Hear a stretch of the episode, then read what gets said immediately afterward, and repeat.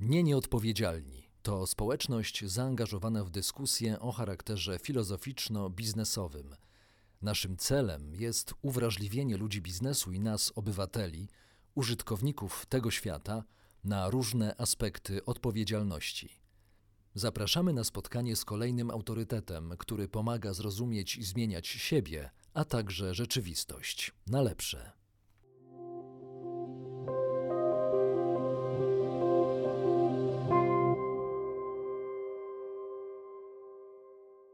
Dzień dobry, witam Państwa bardzo serdecznie. Dzisiaj podejmiemy temat tak bliski jak przedramię e, każdego z nas i każdej z Was. Tutaj zwracam się do pań, które nas oglądają. Przedramię lewe czy prawe. A dlaczego? Dlatego, że będziemy zajmować się tematem proszczepionkowców i antyszczepionkowców. A w tym temacie pomoże mi dr Tomasz Sobierajski, socjolog, adiunkt w Zakładzie Ewaluacji i Badań nad Edukacją w Instytucie Stosowanych Nauk Społecznych Uniwersytetu Warszawskiego. Ale co ważniejsze, jego zainteresowania naukowe obejmują socjologię edukacji i socjologię zdrowia, w tym wakcynologię społeczną, zarządzanie procesami grupowymi w służbie zdrowia. Czy coś pominąłem? Dzień dobry, Tomaszu. Dzień dobry. No można jeszcze do tego dodać, że, e, że jestem twórcą takiej subdyscypliny jak wakcynologia społeczna, czyli łączenia świata wakcynologii, świata szczepień z światem społecznym i od, szukania odpowiedzi na to, z jakiego powodu się szczepimy, z jakiego powodu się nie szczepimy, mm, z jakiego powodu się boimy szczepionek, jakie mamy obawy, jak to wygląda strukturalnie, jak do tego podchodzą określone grupy społeczne, więc rzeczywiście temat jest szalenie fascynujący. Więc e, dlatego trafiliśmy pod najlepszy adres w Polsce, aby porozmawiać e, o antyszczepionkowcach i proszczepionkowcach. Dlaczego w ogóle szczepienia to temat ważny w Polsce? Jest on ważny w Polsce głównie z tego powodu, że od jakiegoś czasu obserwujemy mm, e, spadek szczepień dzieci. I rzeczywiście to, ta zmiana, e, jeśli chodzi o te szczepienia, jest bardzo duża. To znaczy widzimy bardzo wyraźny, jak niemalże co kwartalny przyrost osób, które odmawiają szczepień dzieci. Więc to jest interesujące tak jakby na, na teraz, na ten moment, ale w ogóle jest interesujące, ponieważ szczepienia dotyczą właściwie nas wszystkich, całej populacji, mm, przez całe nasze życie, e, począwszy od pierwszego dnia, kiedy się urodzimy, bo wtedy już dostajemy pierwsze szczepienia, e, skończywszy już na wieku senioralnym, bo, mm, bo tam też szczepienia w tym okresie są bardzo ważne. No i teraz jeszcze, w związku z tym, że Mm, jako Polacy jesteśmy coraz bardziej mobilni, wyjeżdżamy do różnych e, dziwnych krajów. Dotyczą nas też szczepienia w tym e, w tak zwanym średnim okresie życia, ponieważ wyjeżdżając do Afryki czy do Azji, warto zaszczepić się przeciwko chorobom, e, które tam występują, a przed, przed którymi nie jesteśmy szczepieni w ramach szczepień obowiązkowych w dzieciństwie. A kto i dlaczego odmawia szczepień? Czy mm, nauka już zdążyła, mm, Twoja nauka, socjologia, czy zdążyła już mniej więcej określić typ osoby, y, która nie chce się szczepić, bądź też nie chce szczepić swoich dzieci? E, takiego profilu nie ma, ale możemy go mm, poszukać właściwie z różnych dziedzin, bo to nie jest tylko e, kwestia socjologii, to jest kwestia też e, neurobiologii, budowy mózgu, psychologii, antropologii, więc z pewnością jest tak, że te, te odmowy szczepień dotyczą dużo częściej społeczeństw, które są bogatsze niż biedniejsze. Czyli to jakby ta moda na nieszczepienie wyszła ze społeczeństw Zachodu, które są społeczeństwami bogatymi, które są przyzwyczajone do tego, że szczepienia są realizowane, w związku z czym pewne choroby nie występują. To znaczy, my na, na obok siebie nie spotykamy osób, które są przechorowały odrę czy, mm, czy polio. To słynna choroba Heine Medina, która e, powoduje niedowład kończyn chociażby. I takie osoby już coraz rzadziej spotykamy, więc wydaje nam się, że tych chorób nie ma, w związku z czym nie warto się szczepić. Więc to jest przede wszystkim człowiek bogaty, zamożny, bo u nas też bardzo wyraźnie widać, że te osoby, które odmawiają szczepień, to są głównie osoby zamożne. E, druga rzecz, jeśli weźmiemy chociażby budowę mózgu, to są osoby, które mają e, często niedobory dopaminy w mózgu, w związku z czym bardzo łatwo wierzą w różne teorie spiskowe, które przy okazji szczepień są mm, w, jakby wykorzystywane do tego, żeby, żeby te mity mm, powtarzać. Kolejny aspekt to są częściej kobiety niż mężczyźni. Kiedyś było tak, że mężczyźni, widać wyraźnie, że mężczyźni bardziej boją się kłucia, jeśli chodzi o szczepienia ale jeśli chodzi o odmowę szczepień, to są częściej kobiety, które mają dużo więcej, wyraźnie dużo więcej obaw niż e, mężczyźni. To są osoby też, e, wbrew pozorom, z wyższym wykształceniem. Czyli osoby, które, którym wydaje się, że przeczytały już cały internet na ten temat, mają dużo lepszą wiedzę niż lekarze, w związku z czym e, też nie szczepią. Więc tak ten, ten właściwie ten, bo gdybyśmy pomyśleli, kim jest osoba, która nie szczepi, tak racjonalnie, to byśmy powiedzieli, że to jest człowiek, który jest niewykształcony, nie wie, jaka jest korzyść ze szczepienia, e, jest nieracjonalnie wystraszony, bo właśnie też nie ma wiedzy i nie ma wykształcenia, a, e, i człowiek raczej biedny, e, a, a ta, ta, ten profil jest, jest zupełnie inny. Zresztą to bardzo wyraźnie widać, kiedy pojedzie się do krajów, które są dużo biedniejsze od nas, w zeszłym roku udało mi się pojechać do e, Afryki. Tam miałem rozmowę z, z osobami, które, z mieszkańcami, ale też z lekarzami, którzy szczepią. I oni mówią, że tam e, sytuacja z odmową szczepień, pomimo bardzo silnych aspektów religijnych, takich e, szamańskich, które urosły, tam tego problemu nie ma, z tego powodu, że oni wiedzą, że szczepionki ratują życie i czasem niektóre rodziny płyną w jedną stronę z małym dzieckiem promem 12 do 16 godzin z jednej wyspy na drugą, żeby zaszczepić dziecko.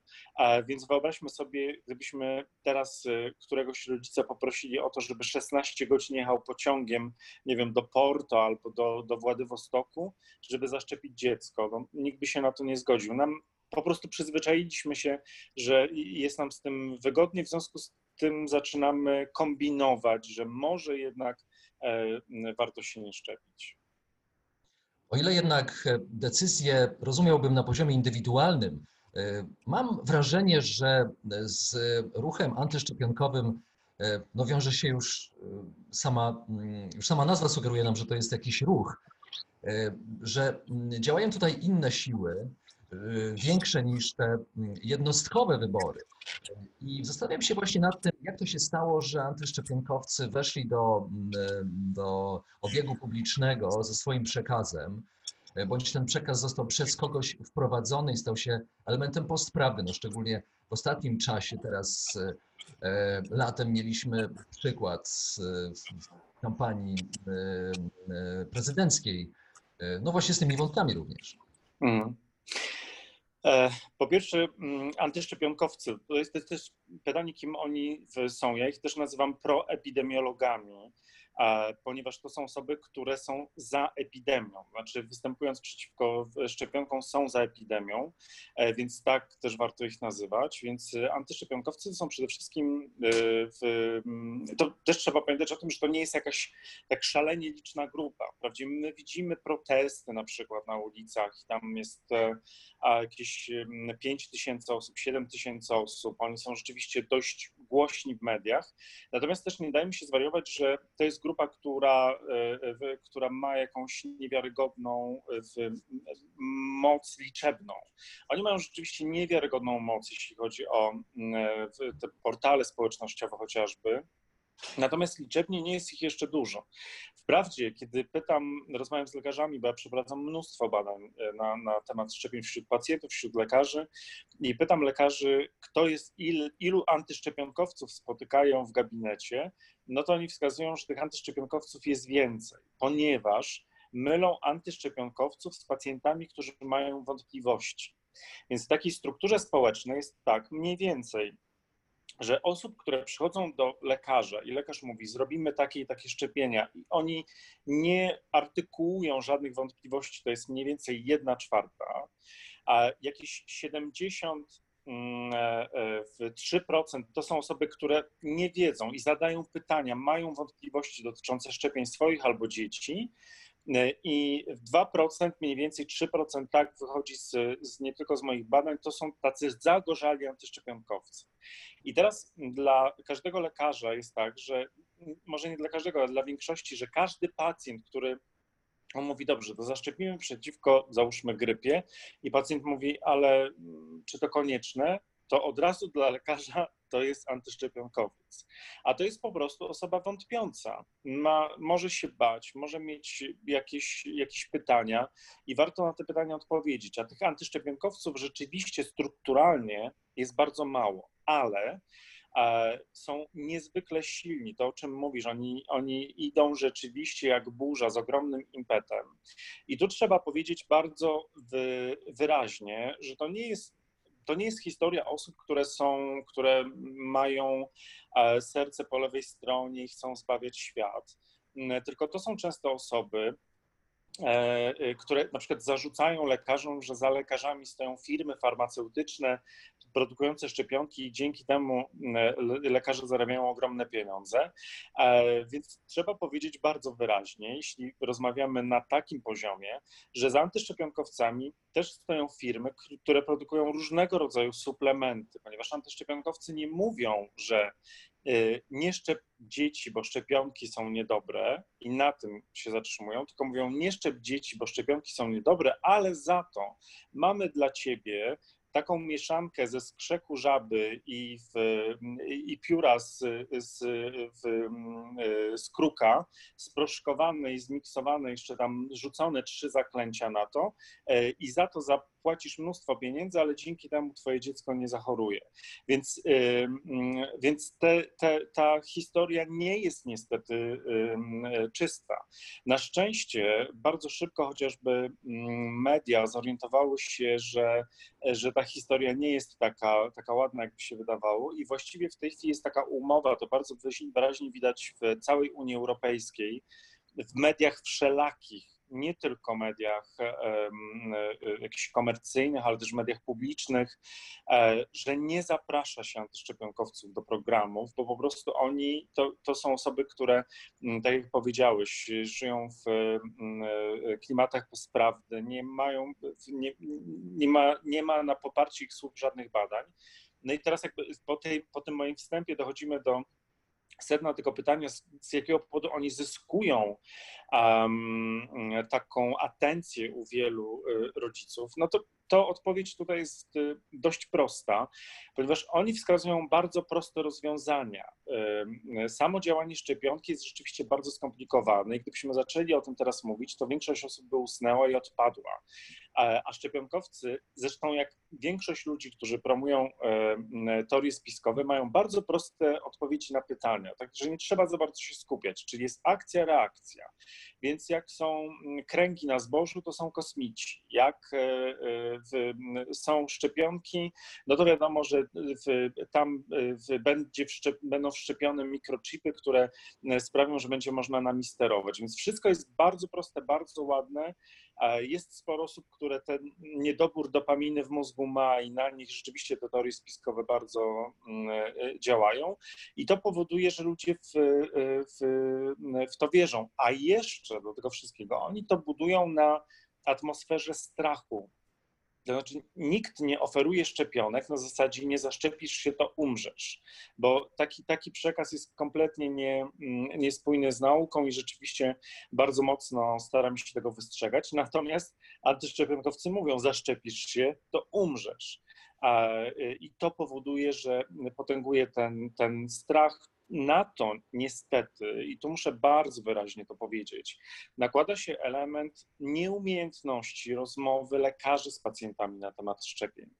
Więc jeśli jest tak, że pacjent wysłucha tej historii antyszczepionkowej, która jest bardzo wysoko pozycjonowana, często w internecie, a jakiś, mm, są tam produkowane jakieś linki z jakimiś mm, badaniami. Ostatnio, nie wiem, jest bardzo popularny król Konga, który który się zbuntował przeciwko szczepionce mm, e, e, e, nieistniejącej jeszcze szczepionce przeciwko SARS-CoV-2 i tam i teraz jego historia jest najbardziej znana. Chciałem nawiasem powiedzieć, że nie ma kogoś takiego jak król Konga. Kongo jest republiką. Więc w każdym razie pojawiają się kolejne, mm, kolejne historie. No i potem ci pacjenci idą do lekarza i mówią, panie doktor, i teraz wyobraź sobie, siedzisz w gabinecie i przychodzi do ciebie pacjent, panie doktorze, no ale właśnie ja przeczytałam w internecie, że król Konga powiedział, że coś tam. No i możesz sobie wyobrazić lekarza, który siódmy raz tego dnia słyszy o tym królu Konga i on myślę, że przy drugim pacjencie już eksploduje. E, a tak naprawdę on powinien mieć cierpliwość na to, żeby powiedzieć: Rozumiem, króla Konga nie ma, on, ktoś taki nie istnieje, a ja pani opowiem, jak wygląda działanie szczepionek i z jakiego powodu y, nie warto się tego bać. No ale teraz miejmy świadomość, że ten lekarz ustawowo ma 7 minut na pacjenta, jeszcze z dzieckiem, y, jeszcze z dwojgiem rodziców, którzy mają wątpliwości. No jest to, to, to ten jakby mm, ten brak czasu przy opowieściach o szczepionkach, y, jeśli chodzi o lekarzy, powoduje, że ci pacjenci kierują się w stronę tych, którzy chcą ich wysłuchać, bo antyszczepionkowcy z przyjemnością wysłuchają e, wątpiących pacjentów i, i, i zaproponują zupełnie coś innego. Teraz e, słuchając nieprawdopodobnej historii o królu Konga i przypominając sobie, że rzeczywiście taki fakt e, zaistniał i też z ubolewaniem znowu odświeżając sobie obraz licznej służby zdrowia, czy, czy w ogóle służby zdrowia w Polsce, która no, podlega właśnie różnego rodzaju presjom, łącznie z, z, z tą presją czasową lekarza, który podejmuje pacjentów. E, zacząłem się zastanawiać nad tym, co możemy zrobić w tej sytuacji, bo ja znowu dotarłem do takich badań, z których wynika, że w 2004 roku 94% Amerykanów twierdziło, że ich zdaniem rodzice powinni szczepić. Natomiast e, teraz ten odsetek spadł do 84%. 10% to już może być e, znaczącego. Czyli co my możemy zrobić oprócz e, tej sensownej, w moim przekonaniu, akcji w mediach europejskich, żeby nie za bardzo nagłaśniać antyszczepionkowców prostego i groźnego przekazu. Jak powinniśmy postępować wobec, wobec tych zjawisk, o których Ty już też wspomniałeś? No, e, pierwsza sprawa jest e, to, to, to, jest to, o czym, e, co zauważyłeś i o czym bardzo dobrze wy, wy, znaczy to wypunktowałeś, że nie powinniśmy mówić o antyszczepionkowcach, nie powinniśmy ich promować, nie powinniśmy promować tych antyszczepionkowych y, postaw. Ja wiem, że medialnie to się może bardzo dobrze sprzedawać, że czasami medialnie to są, to, to też się dobrze sprzedaje, bo to jest tak głupie, że aż właściwie e, można z tego robić mnóstwo memów, e, e, programów satyrycznych i różnych innych historii. Natomiast niektórzy są w stanie w to uwierzyć. No też pamiętajmy o tym, że mm, akurat społeczeństwo amerykańskie nie jest dobrym przykładem, bo, bo tam jedna trzecia wierzy w to, że Ziemia jest płaska. E, no bo właściwie inaczej byśmy pospadali, prawda? A jednak, jednak nie spadamy i samolot, jakby miał samolot y, lecieć, gdyby Ziemia był, nie była płaska, no przecież to by w ogóle poleciał gdzieś na, na Księżyc i, i, i przebił stratosferę. Mm, e, e, więc no, jest jakiś problem edukacyjny i ten problem edukacyjny też jest u nas, ponieważ ja i ty jesteśmy z pokolenia, w którym w szkołach podstawowych, w których byliśmy, E, w wielu z nas tak zwanych tysiąclatkach. Nie wiem, czy jesteś uczniem tysiąclatki, czy nie, e, ale to, to jest, to jest taka, taki charakterystyczna szkoła, gdzie e, ja, każdy uczeń tysiąclatki może powiedzieć, w którym miejscu w tej szkole, bo te szkoły były jednakowe, był gabinet lekarski i gabinet pielęgniarski. I te, w tych gabinetach były osoby, które być może z nudów albo z obowiązku spotykały się na lekcjach wychowawczych albo biologii z uczniami, e, tłumaczyli, na czym polegają szczepionki, z jakiego powodu one są ważne. Te szczepienia też odbywały się w szkole. E, słynny tekst, y, tylko nie w szczepionkę, który, który funkcjonuje. Wiadomo, że chwaliliśmy się, czy tam, jak była ta szczepionka, jak przebiegła, czy się zagoiło, czy się nie zagoiło, czy bolało, czy nie bolało i tak dalej, i tak dalej. Dzięki temu, że były szczepienia, też dzieci chętnie przyjmowały, bo dzięki temu na przykład odpadała im jedna lekcja albo po szczepionce mogły powiedzieć, że boli je głowa i byli zwalniani przez pół dnia, więc to, to, to, też, oczywiście, to też działało. To oczywiście w ramach żartów, ale, ale tak było. Natomiast w tej chwili rośnie, jakby wyrosło też całe pokolenie, które w ogóle, dopóki nie będzie miało dziecka, nie spotyka się z tematem szczepionek. E, e, A, a za to spotyka się ze strony takiej mm, racjonalnej, naukowej, ale spotyka się z tematem szczepionek ze strony nieracjonalnej i nienaukowej, więc nie ma tutaj równowagi i to niestety zaprzepaściliśmy. Zaprzepaszczamy również edukację lekarzy i pielęgniarek, jeśli chodzi o szczepienia, ponieważ na uniwersytetach medycznych ciągle się tego nie docenia. Są, zadziwiające jest to, że są dwa tematy, które są bardzo um, dotykają właściwie wszystkich ludzi na, niemalże na każdym etapie życia. Pierwszy etap to są szczepienia, drugi etap to jest antybiotykoterapia, z którą również mamy problem. I wyobraź sobie, że do tej pory na uczelniach medycznych nie ma wyodrębnionych działów i, i, i fakultetów, które dotyczą tylko tych zagadnień. Więc właściwie jakoś w dziwną stronę też na, na uczelniach medycznych w, y, idziemy. No i co za tym idzie też komunikacja na temat, na temat szczepień. Kolejna sprawa, pamiętam, że już kilkanaście lat temu z Towarzystwem y, Wakcynologicznym, y, które poprosiło mnie o to, żebym zajął się tematem antyszczepionkowców, powiedziałem, że dla mnie nie ma sensu się tym zajmować, bo to jest marginalna grupa, i zajmijmy się raczej tą większą grupą wątpiących e, i zbudujmy w przestrzeń w internecie bardzo e, silną, wyraźną, związaną ze szczepieniami, która spowoduje, że kiedy ludzie będą otwierać internet, to wyskoczą im jako pierwsze informacje naukowe, a nie nienaukowe.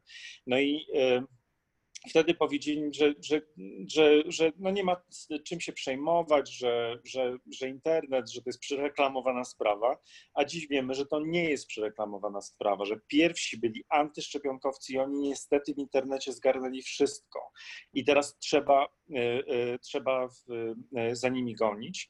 I ostatnia rzecz, o której warto powiedzieć i która jakby funkcjonuje w naszym języku, to jest historia pod tytułem medycyna, którą się nazywa często, nie wiem z jakiego powodu, konwencjonalną e, i tak, i tak zwana, takie określenie, medycyna alternatywna.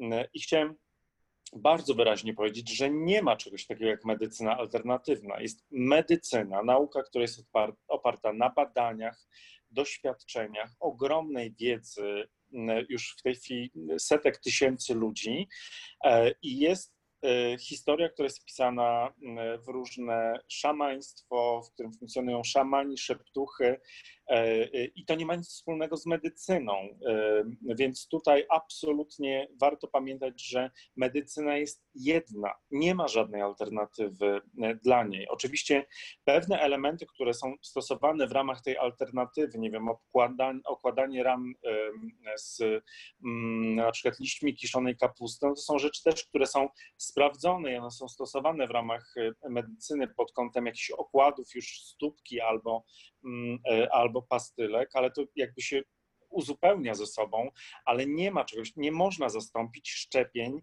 jaką, jakimiś ziołami, jakimiś e, czarami, jakimś okadzaniem białą szałwią. Nie ma takiej możliwości.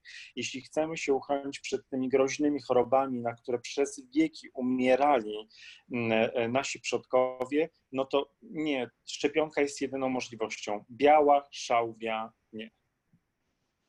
Zastanawia mnie to, dlaczego mówisz o takich rzeczach jak szamaństwo czy, czy obecność szeptuch e, w, w życiu jakichś osób e, w XX, XXI wieku, kiedy no, jesteśmy na takim etapie zaawansowania też w medycynie i technologicznym, że te rzeczy wydają się oczywistością i być może to jest tak naprawdę odpowiedzią na pytanie, dlaczego antyszczepionkowców można przede wszystkim zauważyć w internecie, że oni zagarnęli wszystko, bo nikomu chyba nie przyszło do głowy, żeby można by szum wokół szczepionek, o, że ich, ich celowość wydawała się chyba oczywista jeszcze jakiś czas temu.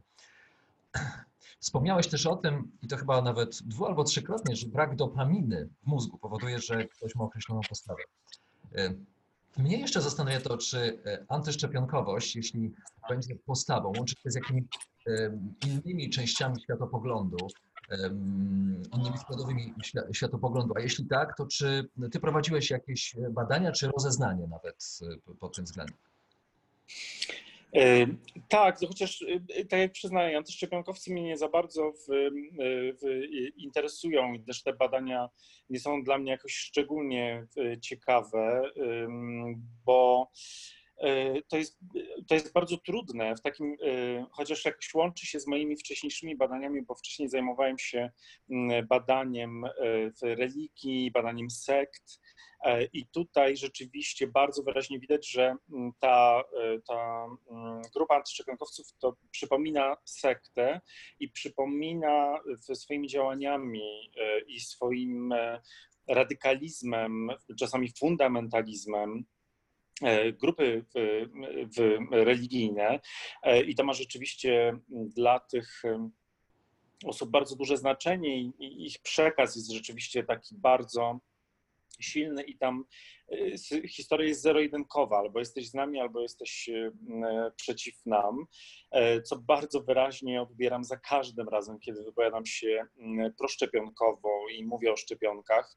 E, dostaję mnóstwo pogróżek związanych z tym, e, również tym, że się mnie zabije, powiesi, zniszczy, zdławi. Jestem wyzywany od, od robaków, gnit i różnych innych. Rzeczywiście trzeba mieć bardzo, e, bardzo silny silną głowę, żeby ten atak wytrzymać. To się zdarza e, często. Oczywiście często to są osoby, które, które nie piszą pod nazwiskiem, tylko piszą e, pod jakimiś e, pseudonimami, i w, ale, ale rzeczywiście ten, ten zalew jest, jest okropny.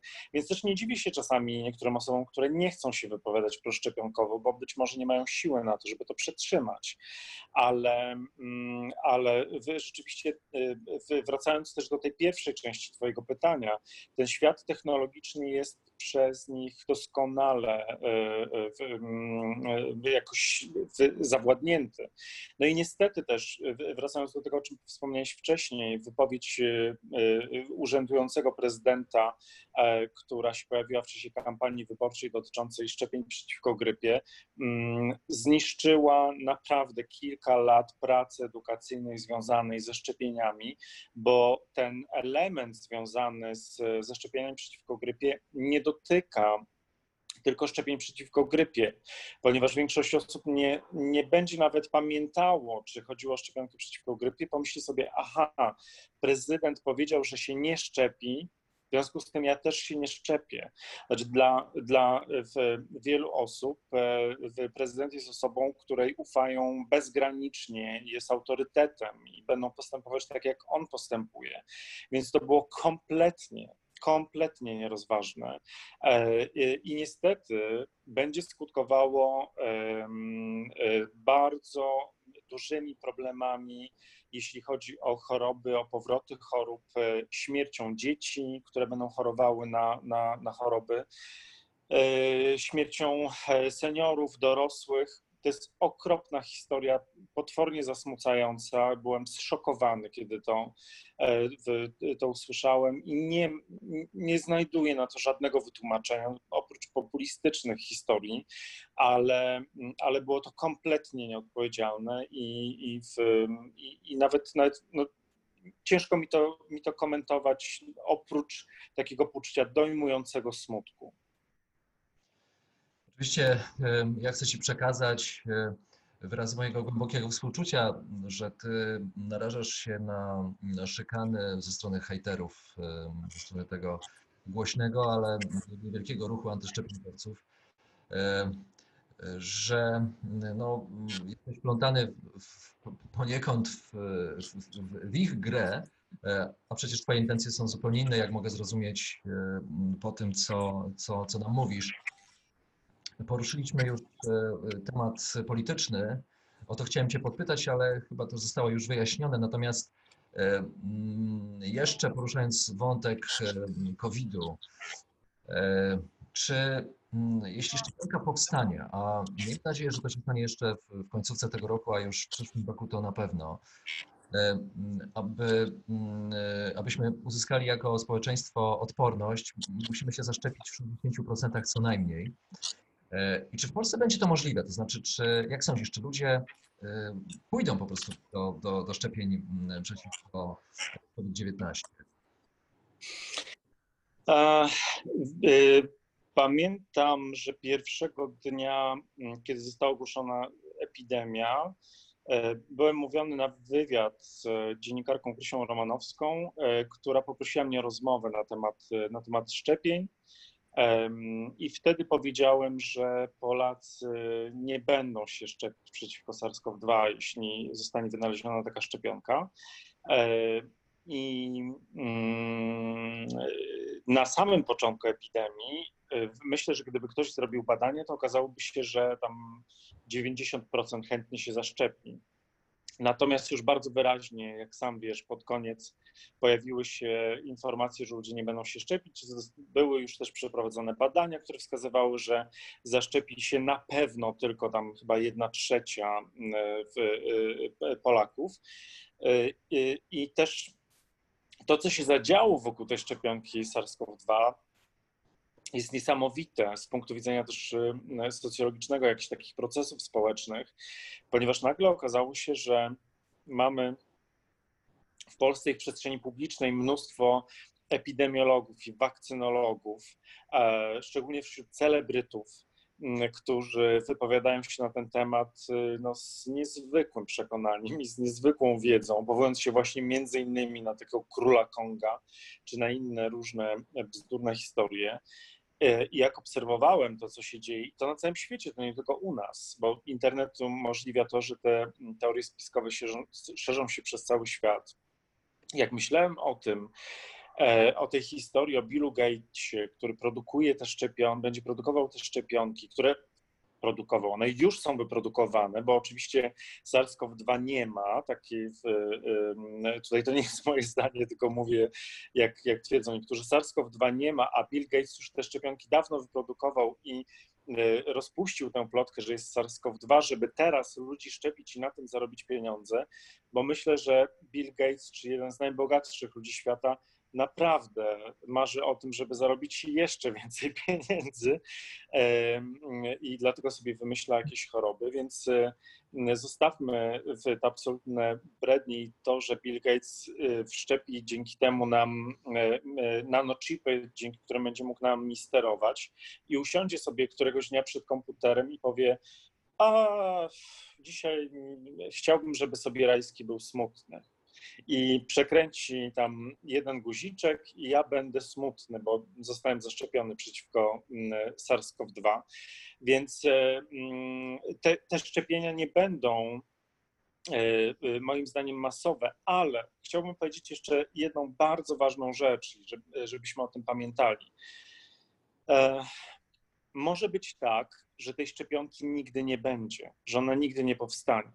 Wiem, że pojawia się, wszyscy są rozemocjonowani. W tej chwili na świecie 100 laboratoriów pracuje nad tą szczepionką, nad różnymi rodzajami tej szczepionki.